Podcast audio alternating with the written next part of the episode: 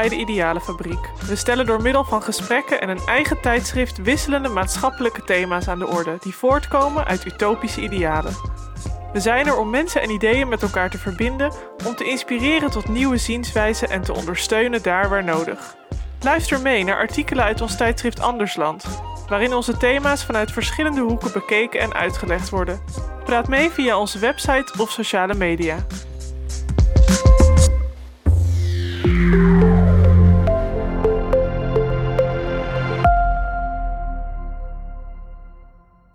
Volgende artikel is geschreven door Peter Lamarck en vertaald door de Universiteit van Amsterdam. Ingesproken voor Andersland door Donjano Sentveld. Peter Lamarck is hoogleraar filosofie aan de Universiteit van York. Dit artikel verscheen reeds in Andersland 3, uitgegeven in 2020. De nutteloosheid van kunst. Toen Oscar Wilde in 1891 in het voorwoord van Het portret van Dorian Gray alle kunst is nutteloos schreef, luidden zijn woorden niet het begin, noch het hoogtepunt, maar misschien wel het eind van het estheticisme in. Vier jaar later, in 1895, na zijn laatste proces en veroordeling, verkondigde een Engelse krant met onverholen blijdschap. De ziekelijke rage van het estheticisme is voorbij. Estheticisme, zoals geïllustreerd door Wilde, Walter Pater en Algernon Swinburne en Théophile Gautier, leek inderdaad uit te sterven in de jaren 90 van de 19e eeuw, hoewel een zweem ervan opnieuw tevoorschijn kwam in Bloomsbury en Cambridge in de jaren 20 van de 20e eeuw. Peter Lamarck was van 1994 tot 2008 redacteur van de British Journal of Aesthetics. Hij publiceerde ook Truth, Fiction en Literature, Fictional Points of View, The Philosophy of Literature en Work and Object, Explorations of the Metaphysics of Art. Het thema is weliswaar ontleend aan Wilde, de nutteloosheid van kunst, maar het is niet de bedoeling dat het estheticisme nieuw leven in te blazen. Per slot van rekening, zo erkenden zowel voor- als tegenstanders, was estheticisme uiteindelijk geen opvatting over kunst, maar over het leven. T.S. Eliot bekritiseerde Paters kijk op kunst nogal spottend toen hij zei dat diens kijk zich opdrong aan een aantal schrijvers uit de jaren negentig en verwarring stichtte tussen leven en kunst, hetgeen niet geheel onverantwoordelijk is voor bepaalde chaotische levens. Zelfs W.B. Yeats, die toch minder aangedaan lijkt door chaotische levens, zei over Paters roman Marius de Epicurean: Hij leerde ons op een strak koord in de kalme lucht te lopen, en we moesten ons zien te redden op een zwiepend koord in een storm. De meest bezwarende kritiek kwam, zoals bekend, in 1936, toen Walter Benjamin, wellicht wat ten onrechte, opperde dat het logische voortvloeisel van het estheticisme fascisme is. Alle pogingen om politiek te esthetiseren lopen uit op één ding: oorlog. Zelfs als estheticisme strikt op kunst wordt toegepast, is het in vele opzichten onaantrekkelijk. Het legt een overdreven nadruk op schoonheid in kunst, een toegefelijke of decadente schoonheid bovendien, en het neigt naar formalisme in kunstkritiek. En in de kunstbeoefening zelf geeft het eerder de voorkeur aan uiterlijk vertoon en stijl dan aan inhoud en ernst. Nauw verwant aan het estheticisme echter, en volgens sommigen zijn ze zelfs identiek, is de doctrine van kunst om de kunst. Aan het begin van de jaren 70 van de 19e eeuw was die leus zelfs al een cliché geworden. Het Franse Le Art pour l'Art was al 70 jaar eerder bedacht. Na 1868, het jaar van Swinburne's studie over William Blake en Paters essay over William Morris, die beide deze leus gebruikten, werd er door de opkomst van de begrippen esthetisch en estheticisme nauwelijks nog gesproken over kunst om de kunst.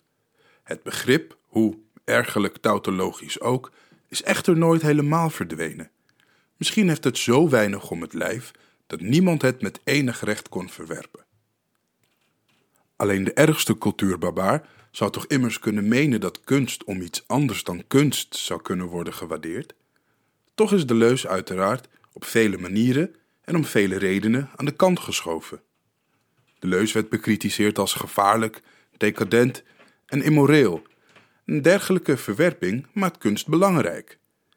In de eerder aangehaalde passage associeert Benjamin fascisme immers niet alleen met estheticisme en het esthetiseren van politiek, wat tenminste nog begrijpelijk is, maar met kunst om de kunst, wat naar de mening van deze schrijver absurd is.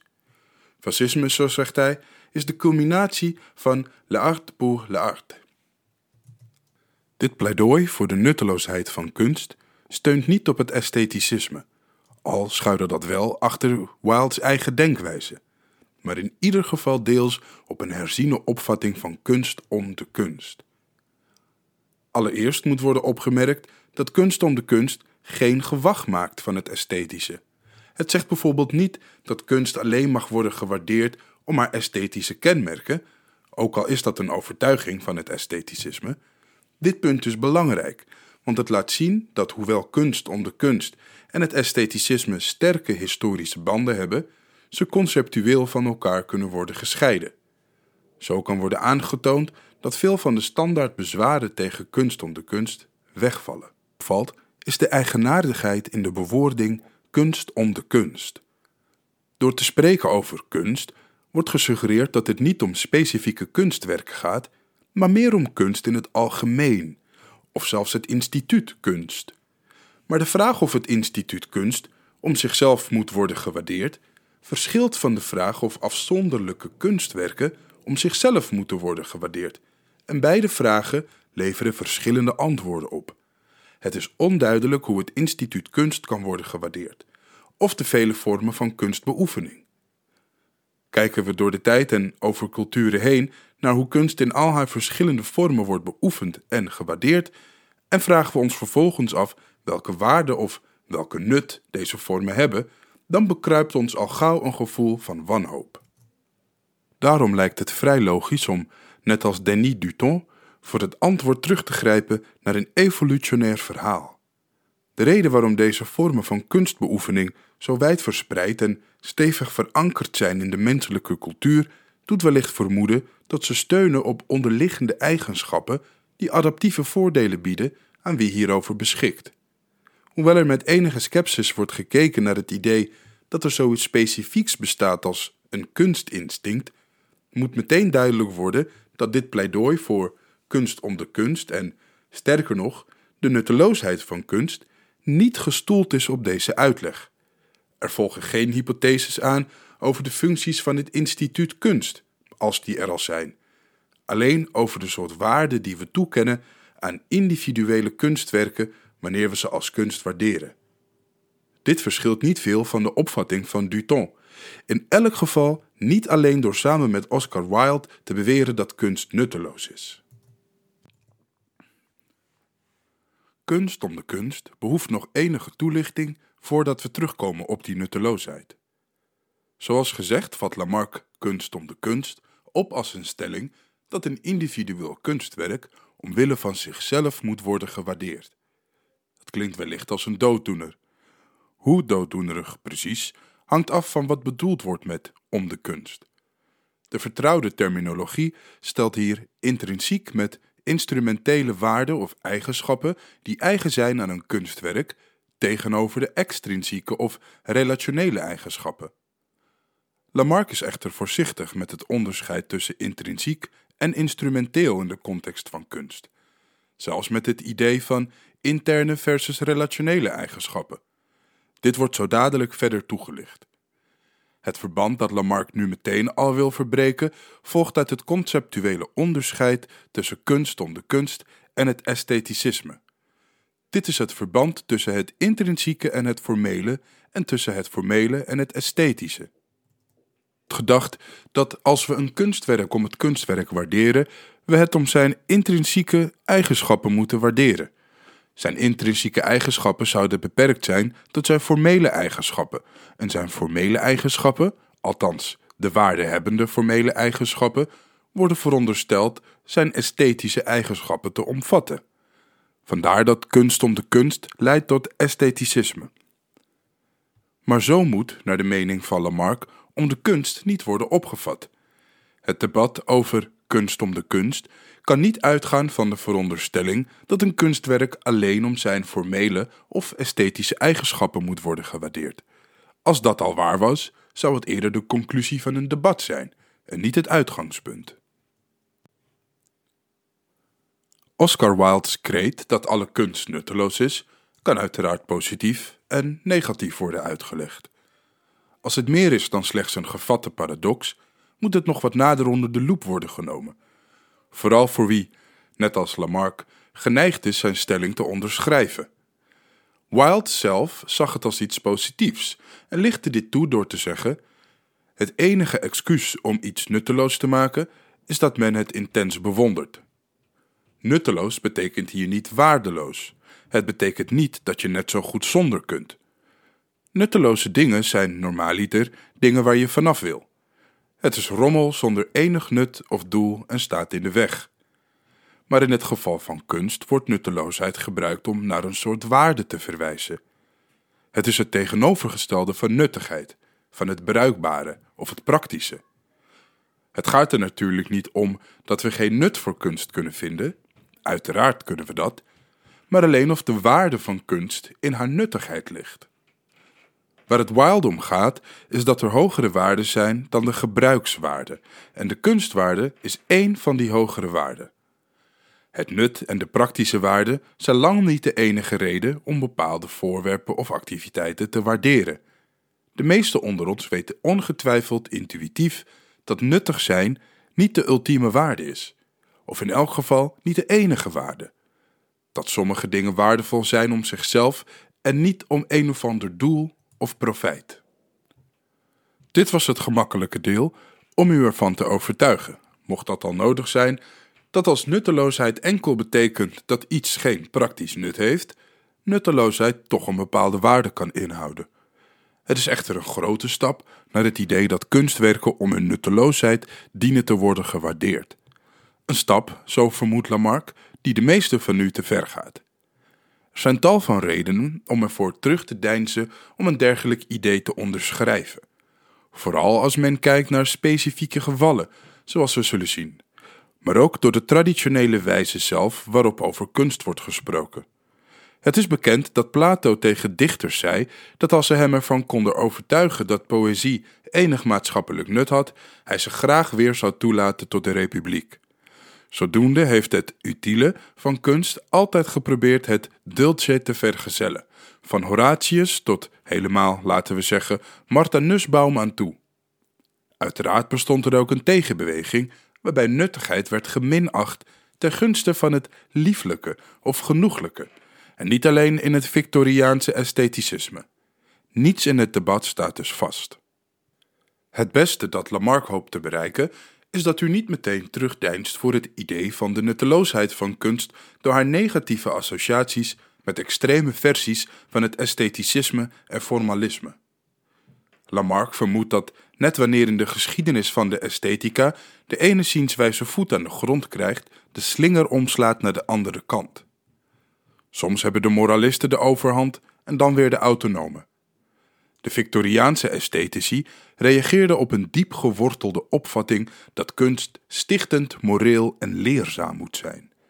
In een brief uit 1851 aan een vriend, waarin hij een schilderij beschrijft waaraan hij werkte, schreef John Everett Millais dat het grootste doel van schilderen neerkwam op de bovenaardse nuttigheid voor de mensheid. Over het schilderij zelf zei hij: Ik zal er in het schilderij naar streven hen die het aanschouwen te ontroeren met de vreselijke onzekerheid van het leven en de noodzaak om altijd voorbereid te zijn op de dood. John Ruskin vond dat schoonheid niet als iets louter zintuigelijks mocht worden gezien. Ik betwist ten zeerste dat afbeeldingen van schoonheid in welk opzicht dan ook zintuigelijk zijn. Ze zijn nog zintuigelijk, nog intellectueel, maar moreel.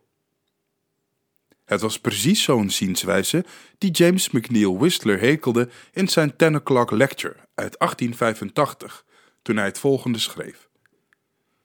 Schoonheid wordt verward met deugd en ten overstaan van een kunstwerk wordt gevraagd wat voor nut heeft het.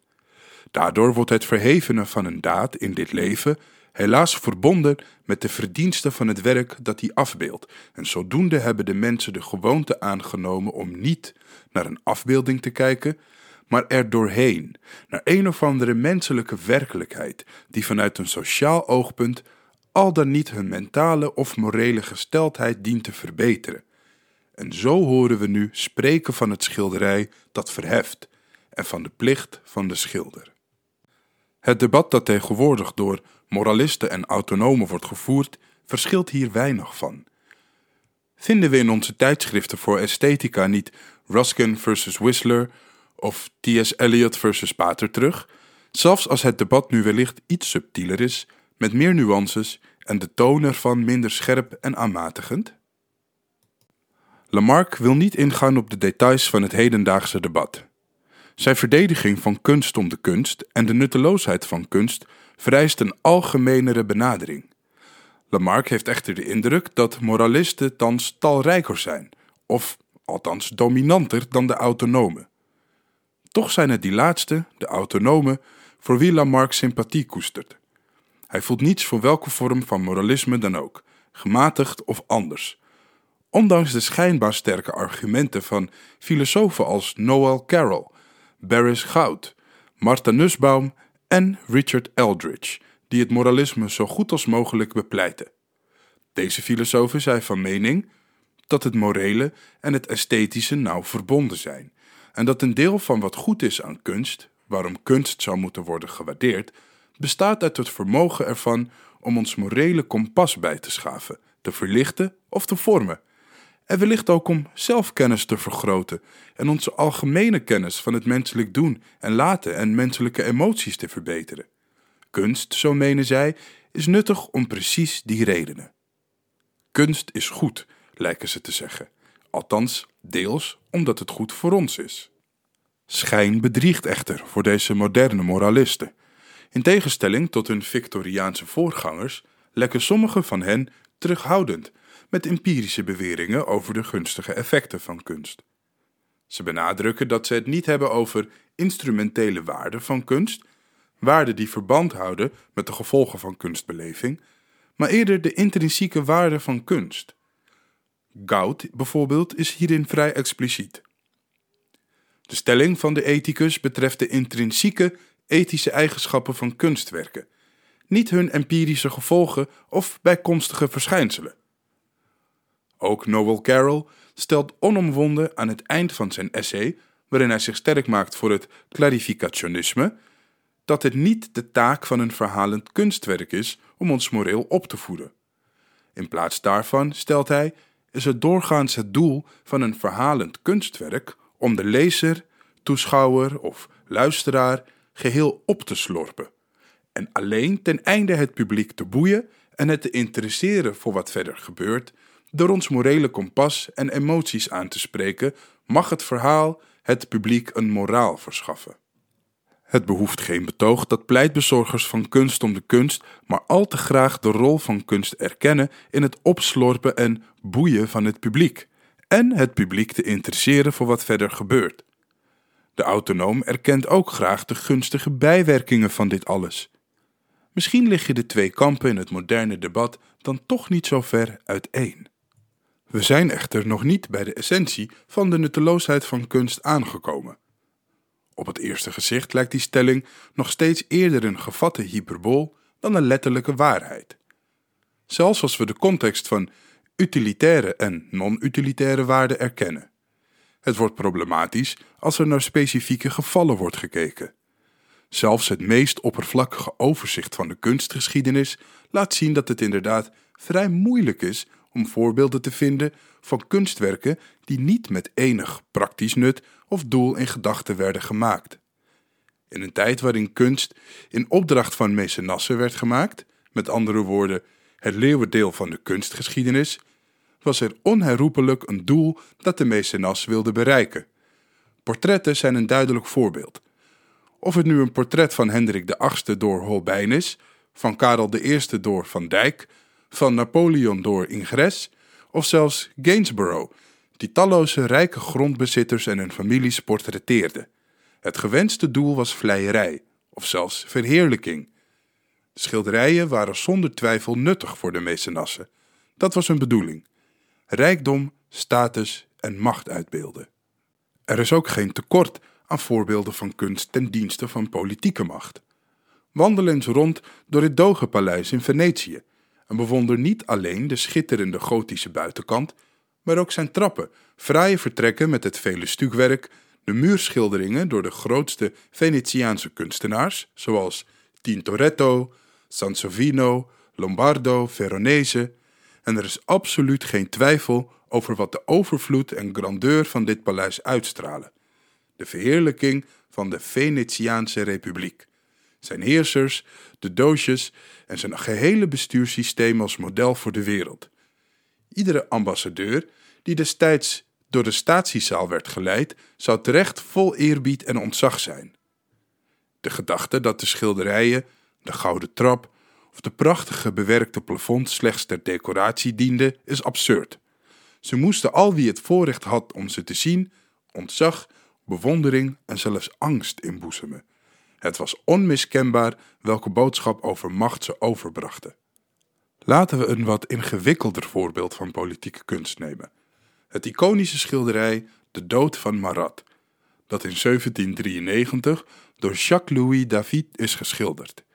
Hierop is te zien hoe de vermoorde Marat in elkaar gezakt in zijn bad ligt, met zijn rechterhand over de rand van het bad en in zijn linkerhand een smeekschrift van zijn moordenares. Er zijn bladzijden volgeschreven over het schilderij, zijn idealisering en klassieke referenties, zijn zinspeling op de lijdensweg van Christus en zijn veelbewogen geschiedenis.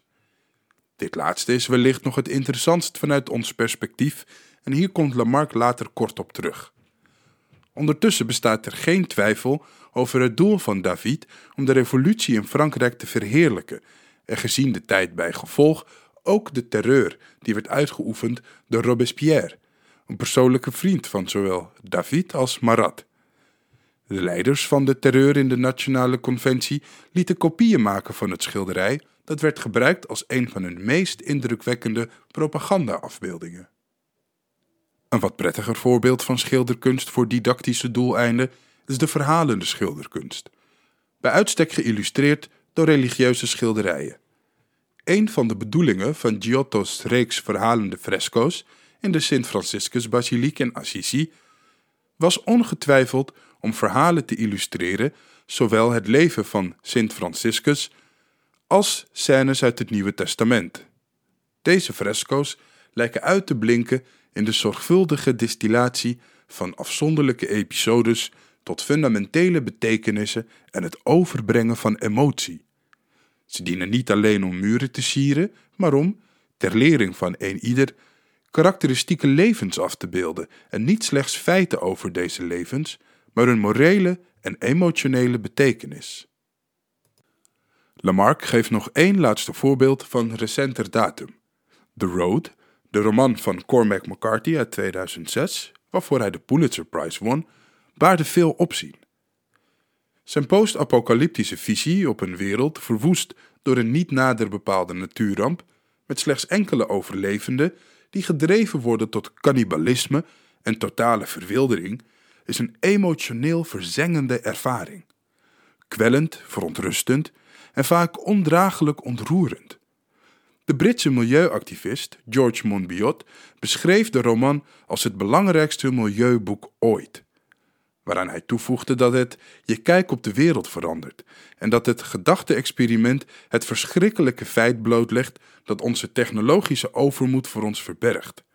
We zijn nog steeds volkomen afhankelijk van biologische productie. Wat deze voorbeelden aantonen, is dat kunstwerken misschien vaker wel dan niet met een of ander buiten kunstzinnig doel worden gemaakt, om nuttig te zijn, om een bepaald effect te hebben op de wereld. Hoe kun je dan ooit de opvatting verdedigen dat kunst nutteloos is? Eén manier, en volgens Lamarck is dat de verkeerde manier, is door te vervallen in formalisme. Hiervan is al iets terug te vinden bij de eerder aangehaalde Whistler, die iedereen minacht met de gewoonte om niet naar een afbeelding te kijken, maar er doorheen naar een andere of menselijke werkelijkheid, die hun mentale of morele gesteldheid dient te verbeteren. Bij Clive Bell, de theoreticus die wij esthetici maar al te graag verafschuwen, komt het expliciet naar voren. Het representatieve element in een kunstwerk kan al dan niet schadelijk zijn, het is altijd irrelevant. Dat is niet de juiste weg. Toch wil Lamarck het formalisme niet bespotten. Het heeft vele verschijningsvormen waarvan vele serieus moeten worden genomen. En het idee van een vorm in kunst behoeft nog steeds veel meer aandacht. Lamarck merkt op dat Noel Carroll eenvoudigweg aanneemt dat de autonome kunstenaar de formalistische route moet nemen. Net als Lamarck somt hij kunstwerken op die, zoals hij stelt, in het epicentrum van het sociale leven zijn gemaakt en moeten worden beschouwd in het licht van wat autonome, non-esthetische belangen plegen te noemen als voorwaarde om ze te kunnen begrijpen.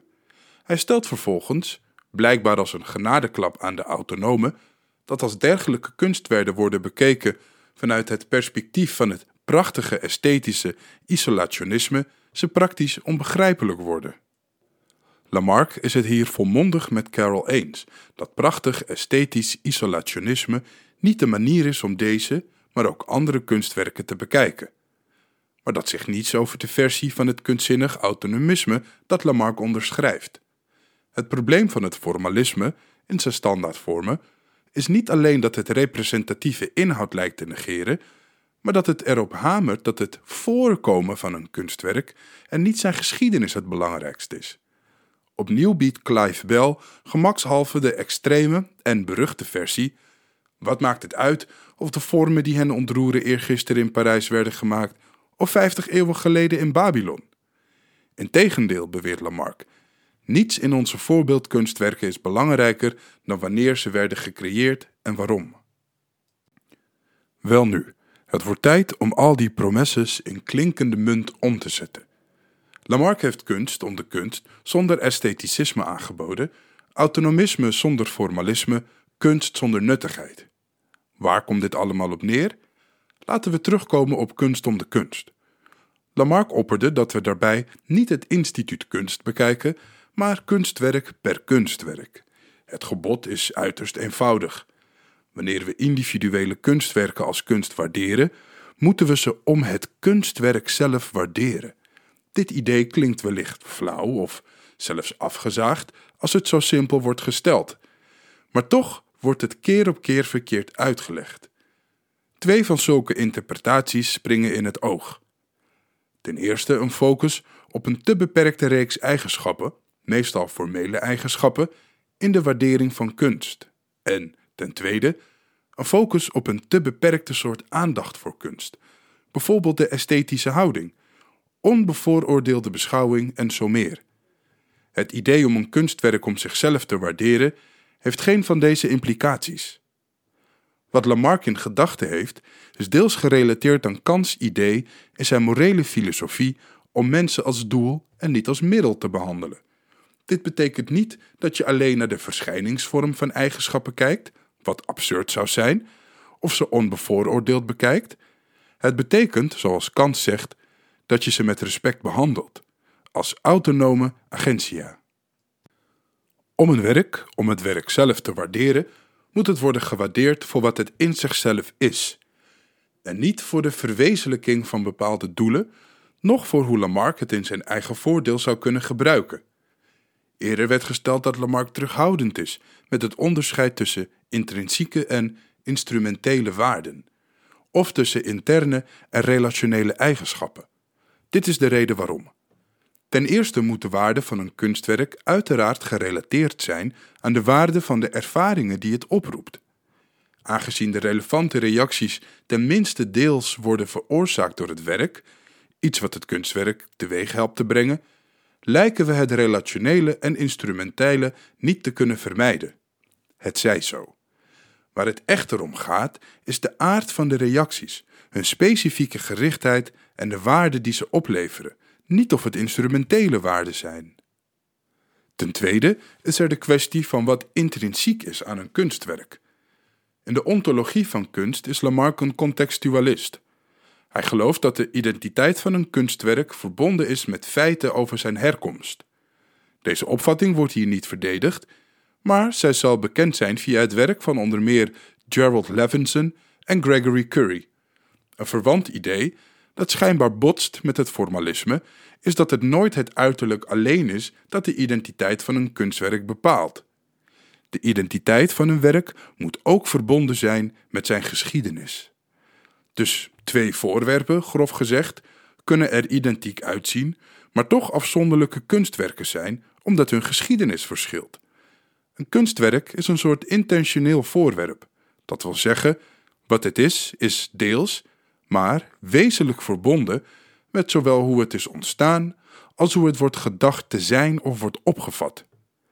Een intrigerend gevolg hiervan is het schijnbaar paradoxale idee dat de intrinsieke eigenschappen van een kunstwerk, de eigenschappen die bepalen wat het in zichzelf is, ook enkele intentionele en relationele eigenschappen moet omvatten. Het is niet alleen een bijkomend feit, maar in zekere zin een essentiële waarheid dat Davids schilderij van Marat is dat Giotto's fresco in Assisi van Sint Franciscus zijn, dat Ingres portret van Napoleon van Napoleon is en zo verder. Om ze te begrijpen als de kunstwerken die ze zijn, moeten we tenminste dat inzien. Die feiten moeten immers bijdragen aan hoe we de kunstwerken beleven, als we ze correct willen beleven. Het staat ter discussie welke relationele feiten verder nog de identiteit van een kunstwerk uitmaken. Is het van belang dat de dood van Marat door David is geschilderd? Misschien gaat dat te ver. Maar het lijkt wel terecht om te zeggen dat deze kunstwerken, al deze kunstwerken, in wezen zijn ingebed in een min of meer precies onderscheiden historische context. Die band met de historische context bepaalt deels wat de kunstwerken zijn. Dit alles moet uiteraard zorgvuldig worden verdedigd en uitgewerkt. Laten we echter in het belang van het debat uitgaan van dit contextualistische plaatje. De gevolgen zijn enorm voor wat we bedoelen met een kunstwerk om het kunstwerk waarderen. Het kan niet betekenen dat we alleen naar het uiterlijk van een kunstwerk kijken, of alleen naar zijn formele of waarneembare eigenschappen. We moeten ook aandacht schenken aan bepaalde feiten over de context of oorsprong van het kunstwerk. Die context vertelt ons hoe het werk zich onderscheidt van andere kunstwerken die er op het eerste gezicht enigszins of zeer soortgelijk uitzien. Lamarck is zelfs geneigd te zeggen dat sommige elementen die betrekking hebben op het oorspronkelijke doel van het kunstwerk verankerd zijn in de desbetreffende context van zijn oorsprong. Het feit dat de dood van Marat bedoeld was om een martelaar van de Franse Revolutie te vereeuwigen en die revolutie te vieren als iets wat het waard is om voor te sterven, lijkt tamelijk centraal te staan in de betekenis van Davids schilderij. Dit maakt het schilderij deels wat het is. Het feit dat Giotto een karakteristiek leven van een moreel buitengewoon mens en heilige wilde portretteren, is niet zomaar een bijkomstig feit over de fresco's van Sint Franciscus. Het kenmerkt in zekere zin de essentie van deze fresco's. Het feit dat het Dogenpaleis in Venetië bedoeld was om de roem, macht en het gezag van de Venetiaanse Republiek te verheerlijken, is niet slechts een verklaring voor het ontwerp en de decoratie, maar het maakt deel uit van de identiteit zelf van het ontwerp en de decoratie. Laten we, om kunst om de kunst beter te begrijpen, een ogenblik stilstaan bij wat juist en wat onjuist is in een andere klassieke uitspraak over dit idee. Deze keer uit Poetry for Poetry's Sake van Bradley. Zijn intrerede in Oxford in 1901. Hij schrijft hier over de beleving van het lezen van poëzie. Hij schrijft: Ten eerste is deze beleving een doel op zich. Deze is het waard om zichzelf, heeft een intrinsieke waarde. Daarnaast is de poëtische waarde ervan deze intrinsieke waarde alleen. Poëzie kan ook nog een bijkomstige waarde hebben als middel voor cultuur of religie, omdat het een les overbrengt, of de gemoederen bedaart, of bijdraagt aan een goed doel, omdat het de dichter roem of geld of een goed geweten oplevert, of des te beter. Laat het ook om deze redenen worden gewaardeerd. Maar de bijkomstige waarde ervan is of kan nooit direct de poëtische waarde ervan bepalen als bevredigende creatieve beleving. en die moet volledig van binnenuit worden beoordeeld. En aan deze twee stellingen kan, al hoeft dat niet, nog een derde worden toegevoegd. De overweging van bijkomstige doeleinden, of dat nu door de dichter gebeurt tijdens het schrijven of door de lezer tijdens zijn beleving, leidt al gauw tot een lagere poëtische waarde. Dat komt doordat het de aard van poëzie neigt te veranderen. Het is immers niet haar aard om deel uit te maken of een kopie te zijn van de werkelijke wereld, maar om een wereld op zichzelf te zijn, onafhankelijk, compleet, autonoom. En om die wereld volledig te kennen, moet je deze binnentreden, je schikken naar zijn wetten, en zolang jouw overtuigingen, doelen en specifieke omstandigheden uit die andere werkelijkheid negeren. Bradley heeft volgens Lamarck gelijk wanneer hij de waarde van het lezen van poëzie gelijkstelt aan de intrinsieke waarde van een beleving. Hij maakt er echt een onderscheid tussen wat hij correct poëtische waarde noemt en ten minste enkele bijkomstige waarden, zoals roem of geld. Hij heeft ook gelijk wanneer hij zegt dat om een gedicht volledig te beleven, je, zoals hij zegt, zijn wereld moet binnentreden. Je moet schikken naar zijn wetten. Het probleem ontstaat met zijn karakterisering van die wereld als iets dat niet deel van de werkelijke wereld is, als onafhankelijk, compleet, autonoom. Voor de contextualist maken kunstwerken wel degelijk uit van de werkelijke wereld. Het is hun verankering in de context van een werkelijke wereld waaraan ze hun identiteit danken. Een identiteit waarvoor wellicht bepaalde bijkomstige doeleinden in overweging moeten worden genomen. Lamarck oppert dat om een kunstwerk om het kunstwerk zelf te zien, je het juist als een dergelijk verankerd intentioneel voorwerp moet zien. Het geheel opslorpen, zoals Carroll zegt, van de eigenschappen van zo'n intentioneel voorwerp kan een intrinsiek waardevolle beleving opleveren. Door de beleving af te stemmen op dit voorwerp, verrijkt met de kennis over de geschiedenis van het kunstwerk, krijgt het zijn speciale karakter. Ondermijnt het contextualisme het hele idee van de nutteloosheid van kunst niet juist? Wordt dat idee niet ronduit tegengesproken door de overtuiging als contextualist dat het oorspronkelijke nut, en dus de nuttigheid van een kunstwerk, deel uit kan maken van de identiteit van het werk? Lamarck denkt niet dat er een tegenstelling is, maar zijn reden brengt ons bij de volgende essentiële stap in dit debat. Hiervoor moeten we een ander bekend een problematisch element uit de esthetica en kunstgeschiedenis introduceren: de duurzaamheid van kunst.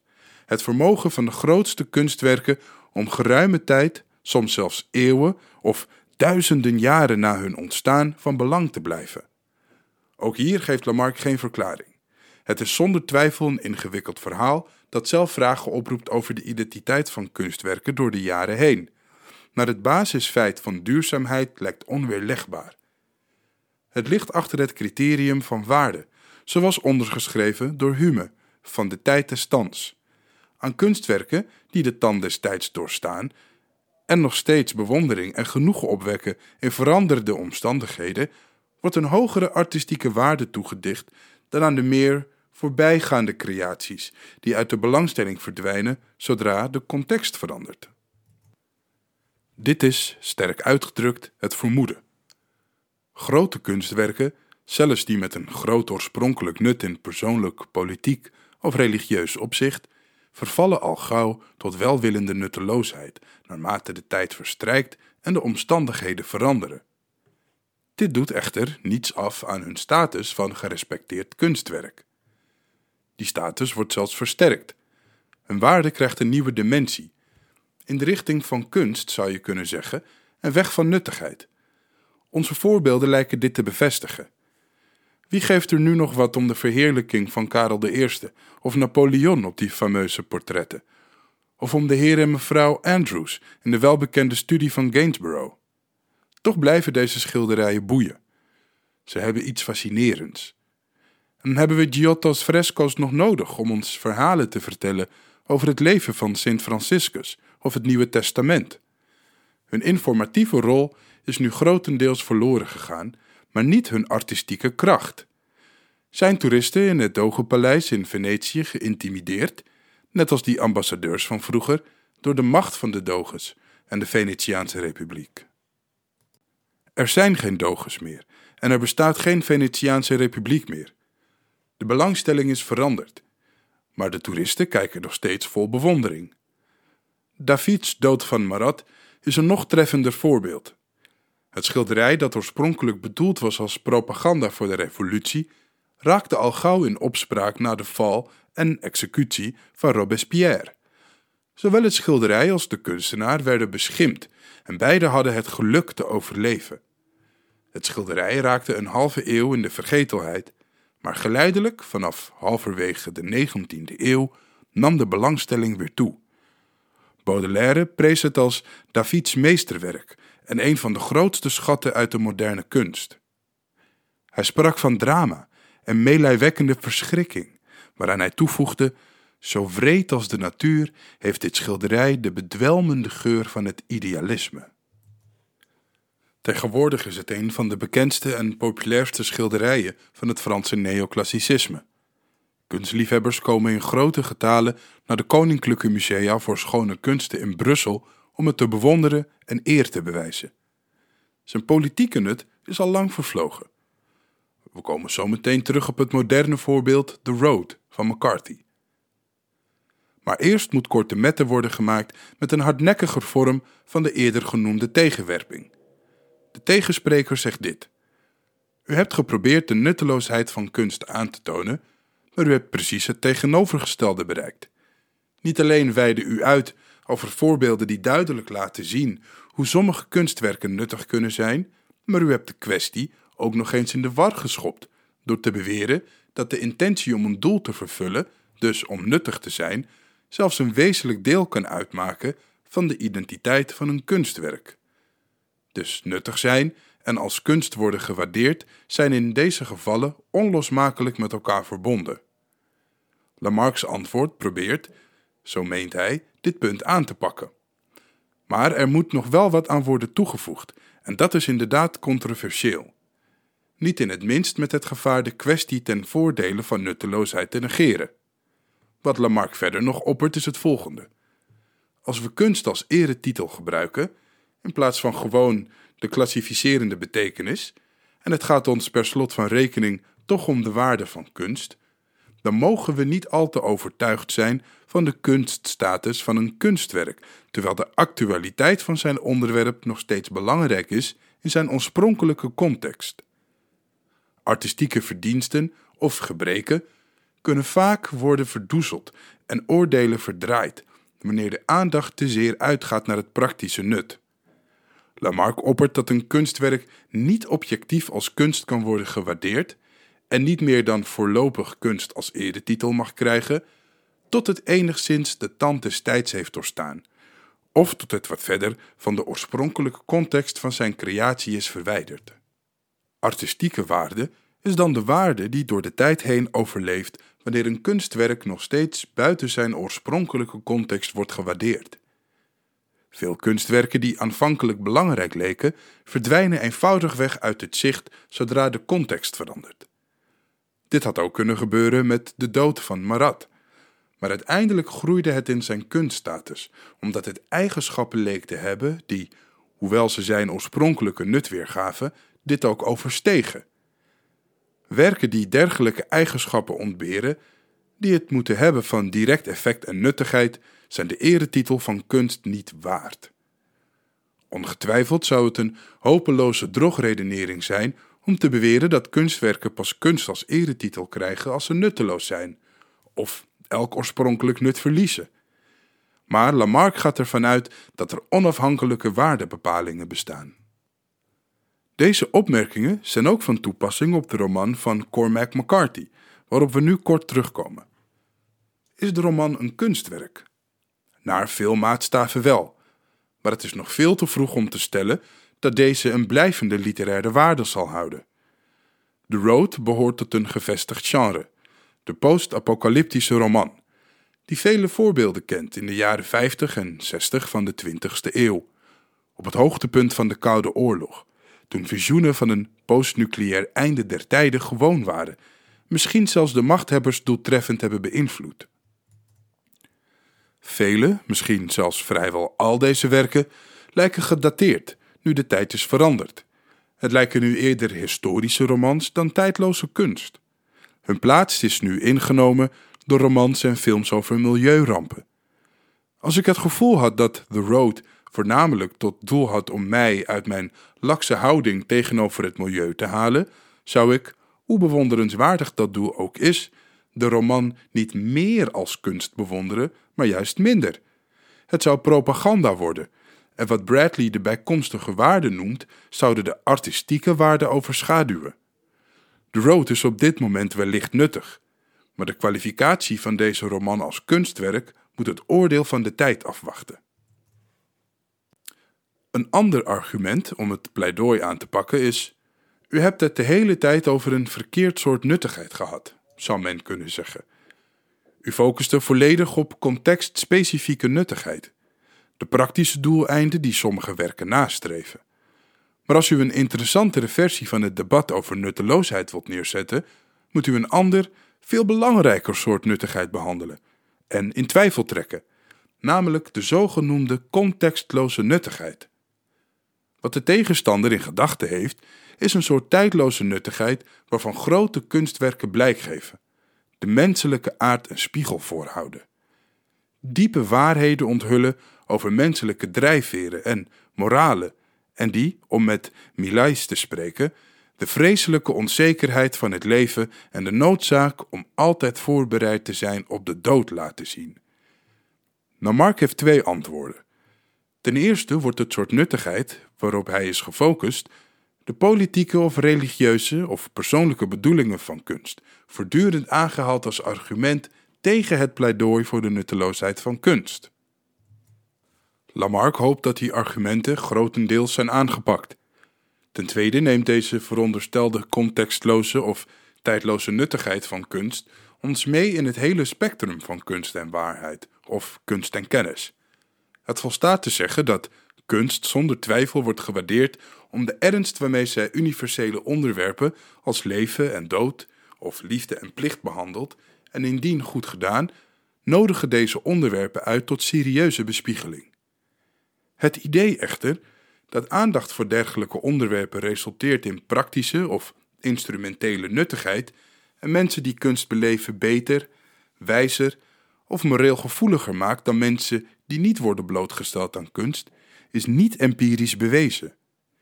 Het is ook niet evident dat goede kunst je een beter mens maakt. Dat is uiteraard geen reden om geen aandacht te hebben voor goede kunst, die andere soorten beloningen oplevert. Die gedachte levert ons het laatste stukje van de puzzel op. Als kunstwerken, zoals eerder beweerd, een soort nutteloosheid krijgen naarmate hun oorspronkelijke context vervaagt, een nutteloosheid die ze optilt naar een hogere waardedimensie, hoe moeten we dan op ze reageren? Welke waarden moeten we in ze zoeken? En we ze als kunst om de kunst waarderen? Er zijn een aantal negatieve stellingen geponeerd in dit opzicht. We mogen niet alleen aandacht hebben voor hun uiterlijke kenmerken, maar we moeten opmerken hoe feiten over de geschiedenis van een kunstwerk invloed hebben op hoe het uiterlijk wordt waargenomen. We dienen een onjuiste dichotomie tussen formalisme en moralisme te verwerpen. Een dichotomie die bepaalt dat we ofwel alleen naar de vorm en compositie moeten kijken, of alleen naar de onderliggende inhoud voor de morele waarheden die erin vervat liggen.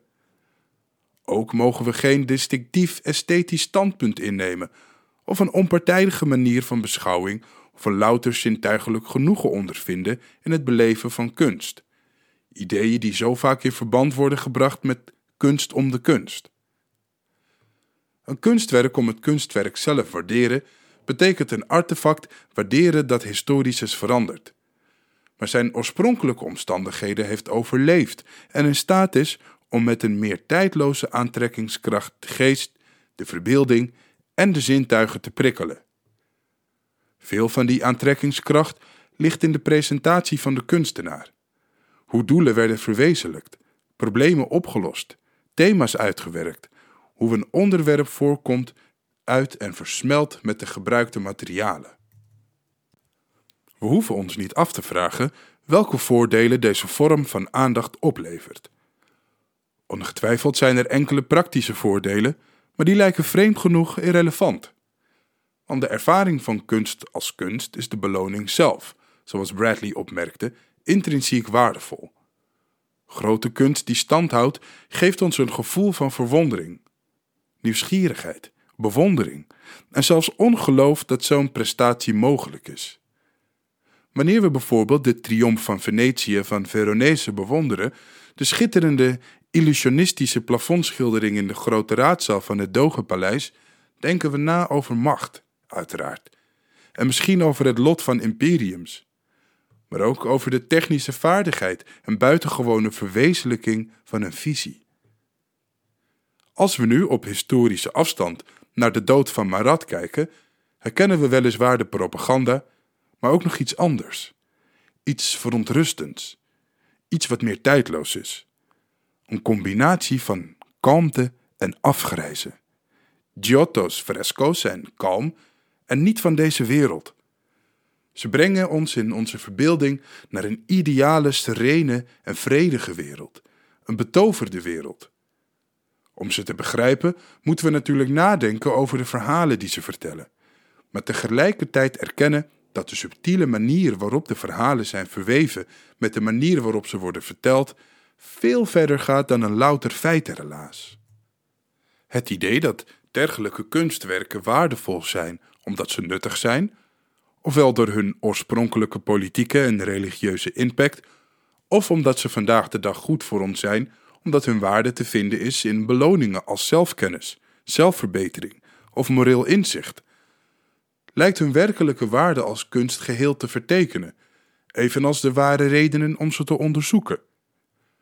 Wat betreft The Road van McCarthy kan deze roman nu weliswaar nuttig zijn om onze houding ten aanzien van klimaatverandering te beïnvloeden. Maar dat is geen reden op zich om de roman als kunst te waarderen. Mocht de roman de tand des tijds doorstaan, dan zal deze pas tot een meer tijdloze kanon van de literatuur behoren wanneer die nuttigheid enigszins is verdwenen. Net als alle grote kunst, als het grote kunst is, zal The Road niet worden gewaardeerd omdat deze roman nuttig is, maar om de kunst zelf. Bedankt voor het luisteren naar de Ideale Fabriek. Vind ons op idealefabriek.nl, Instagram of Facebook en meld je ook aan als idealist. Samen kunnen we de samenleving een stukje verbeteren.